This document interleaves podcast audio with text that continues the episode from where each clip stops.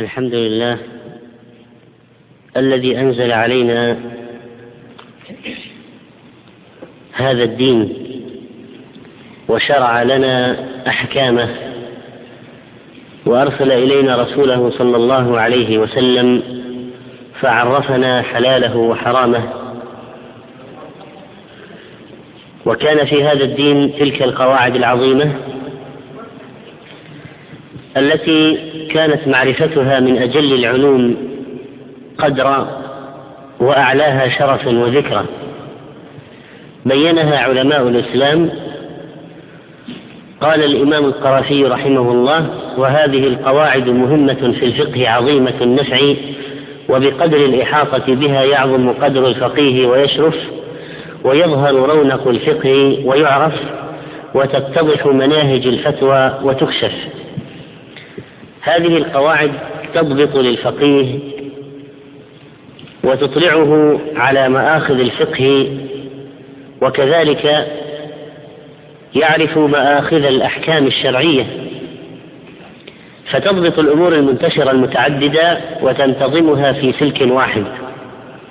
وتيسر ضبط الفقه بأحكامه وتغني الفقيه عن معرفة الجزئيات الكثيرة ولذلك فإن دراسة القواعد الفقهية مهمة جدا لمن أراد دراسة أحكام الفقه الإسلامي ومعرفة تلك الأحكام الشرعية واستنباط الحلول للوقائع المتجددة والمسائل النازلة. فيستطيع طالب العلم بواسطتها تخريج الأحكام على تلك القواعد وتبعد طالب العلم عن التخبط والتناقض وتحل له كثيرا من الإشكالات وتزيل عنه الحيرة. وهذه القواعد الفقهية موضوعها في أحكام المكلفين. وقد عرفنا في الدرس الماضي الفرق بين القواعد الفقهية والقواعد الأصولية. وهذه القواعد قد جمعها علماء الإسلام وذكروا في مؤلفات لهم قواعد كبرى وقواعد صغرى وقواعد رئيسة وقواعد فرعية ومن تلك الكتب التي ذكرت القواعد هذه المنظومة الجميلة للعلامة الشيخ عبد الرحمن الناصر السعدي رحمه الله تعالى التي ابتدأها بقوله الحمد لله العلي الأرفق وجامع الأشياء والمفرق والعجيب أن الشيخ رحمه الله له شرح مختصر لطيف على هذا النظم يحل ألفاظه ويبين قواعده. و انتهى منه وعمره 24 سنة وهذا ما يدل على نبوغه رحمه الله تعالى. هذه القواعد الفقهية أو القاعدة الفقهية التي هي حكم أغلبي يندرج تحته كثير من الجزئيات. هذه القواعد كما عرفنا أنها درجات وأقسام فمنها أشياء كليات ومنها ما هو أدنى من ذلك ودائرته أضيق. نأتي إن شاء الله في هذا الدرس على شرح بعض أبيات هذه المنظومة. قال رحمه الله تعالى الحمد لله العلي الأرفق وجامع الأشياء والمفرق. الحمد لله هو ثناء على الله بما هو أهله. وقد جرت عادة المصنفين المسلمين أن يبتدئوا بالبسملة ثم بالحمدلة ثم بالصلاة على النبي صلى الله عليه وسلم بصريح اسمه. والحمد هو الثناء على الله بما هو أهله من صفات الكمال وبما أسبغ على عباده من النعم وقد عرفنا أن هل أل تفيد الاستغراق؟ وقوله لله لفظ الجلالة عرفنا أنه مشتق وليس باسم جامد من أله يأله فهو مألوه أي معبود مستحق للعبادة مع شدة المحبة والتعظيم. ولا يجوز أن يوصف به غيره سبحانه وتعالى فهذا الاسم الله لا يشركه فيه غيره فهو مختص به. وقوله العلي الذي له العلو المطلق من جميع الوجوه. فلله علو الذات فهو فوق الخلق فوق سماواته على عرشه على عليه. وله علو وله علو الصفات وله علو القهر والغلبة فله علو الذات. وعلو القدر والصفات وعلو القهر والغلبة. الحمد لله العلي الأرفق أي الرفيق في أفعاله فأفعاله كلها رفق وفق المصالح والحكم. والرفيق والرفق صفة ثابتة لله تعالى كما قال النبي صلى الله عليه وسلم إن الله تعالى يحب الرفق إن الله تعالى رفيق يحب الرفق ويعطي على الرفق ما لا يعطي على العنف وما لا يعطي على سواه. الحمد لله العلي الأرفق وجامع الأشياء والمفرق.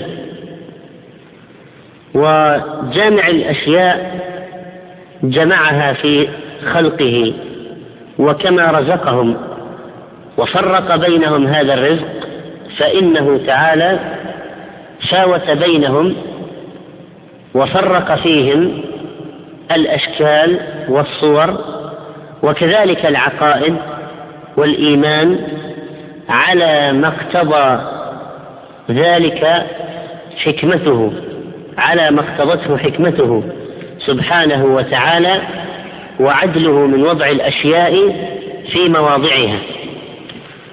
من وضع الأشياء في مواضعها. وقوله ذي النعم الواسعة الغزيرة والنعم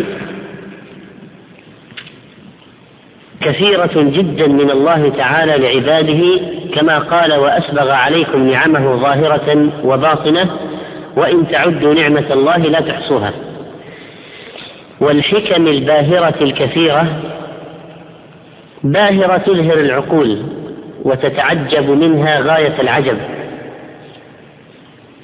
فهي كثيرة يكفي الإنسان التأمل والنظر فيها سواء ما كان في نفسه أو في من حوله.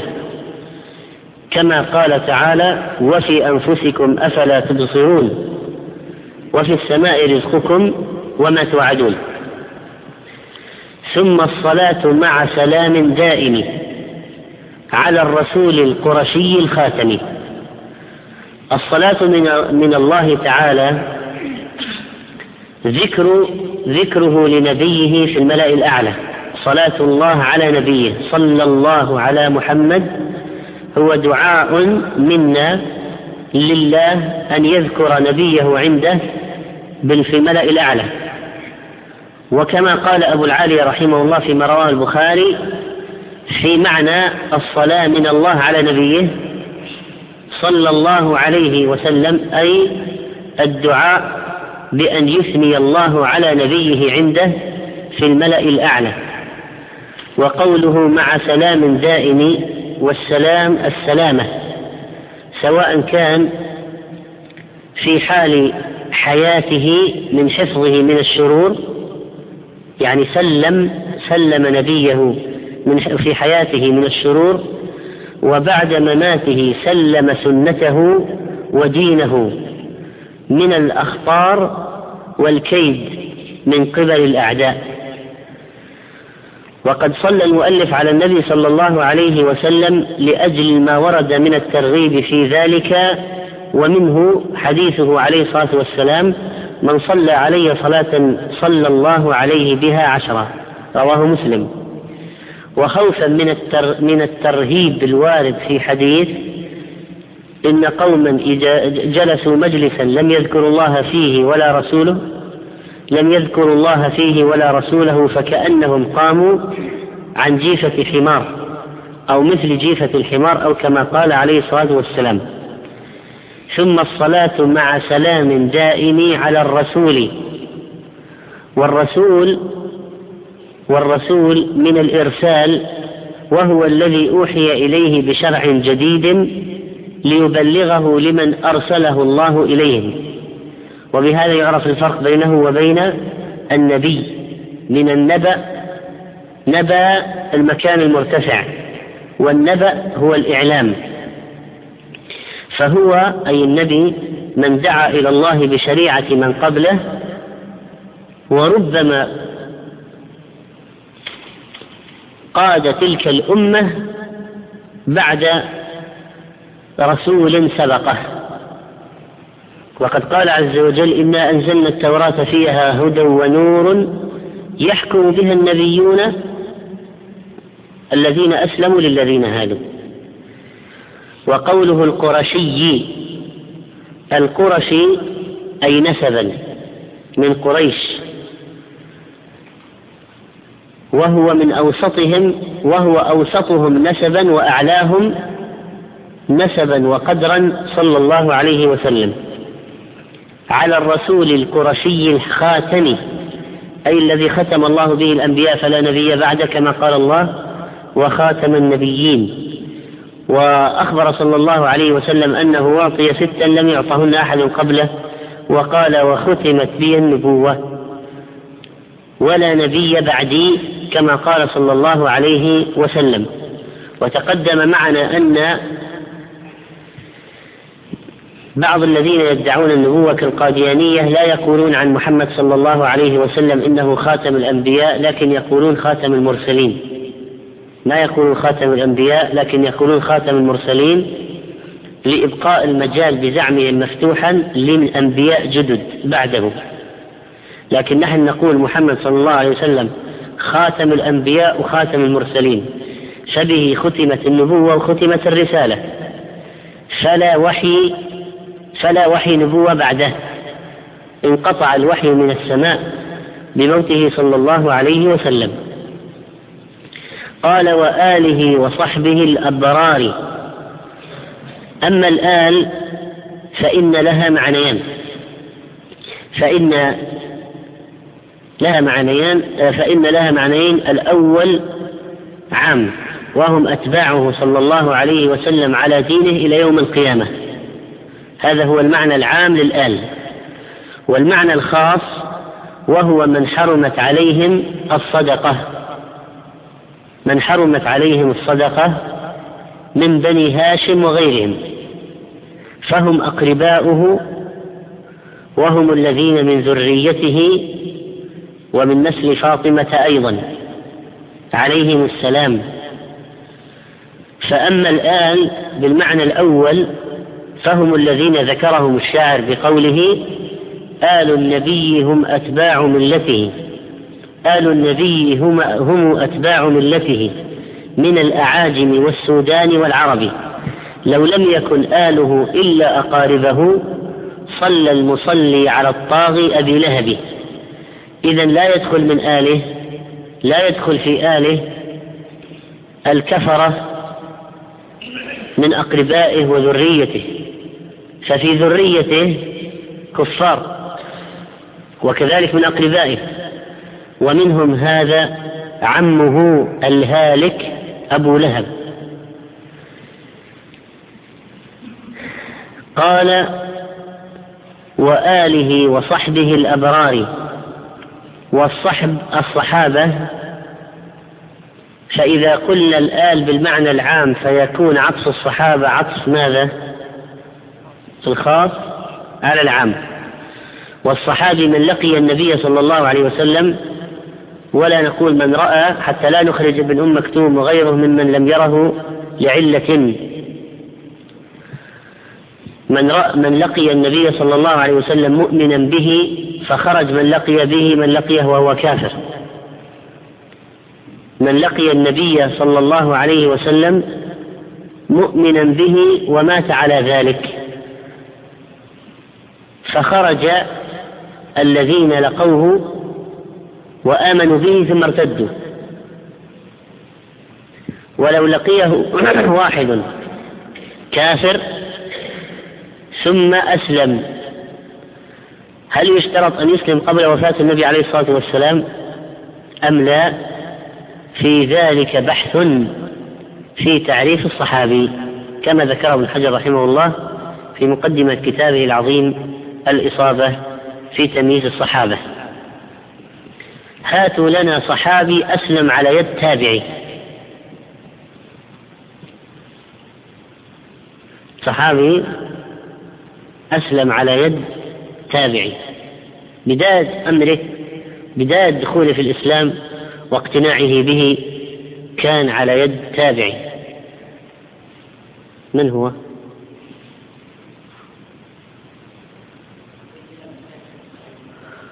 عمرو بن العاص. الذي كان بداية إسلامه على يد النجاشي والنجاشي تابعي لأنه ما لقي النبي عليه الصلاة والسلام وإنما لقي أصحابه في الحبشة وآله وصحبه الأبرار الحائز مراتب الفخار. تميزوا بالعلم النافع والعمل الصالح الذي أوجب لهم مفاخر الدنيا والآخرة وليس في الأمة كالصحابة. في الفضل والمعروف والإصابة فإنهم قد شاهدوا المختار وعاينوا الأسرار والأنوار وجاهدوا في الله حتى بان دين الهدى وقد سمى الأديان. ثم قال رحمه الله تعالى اعلم هديت أن أفضل المنن علم يزيل الشك عنك والدرن.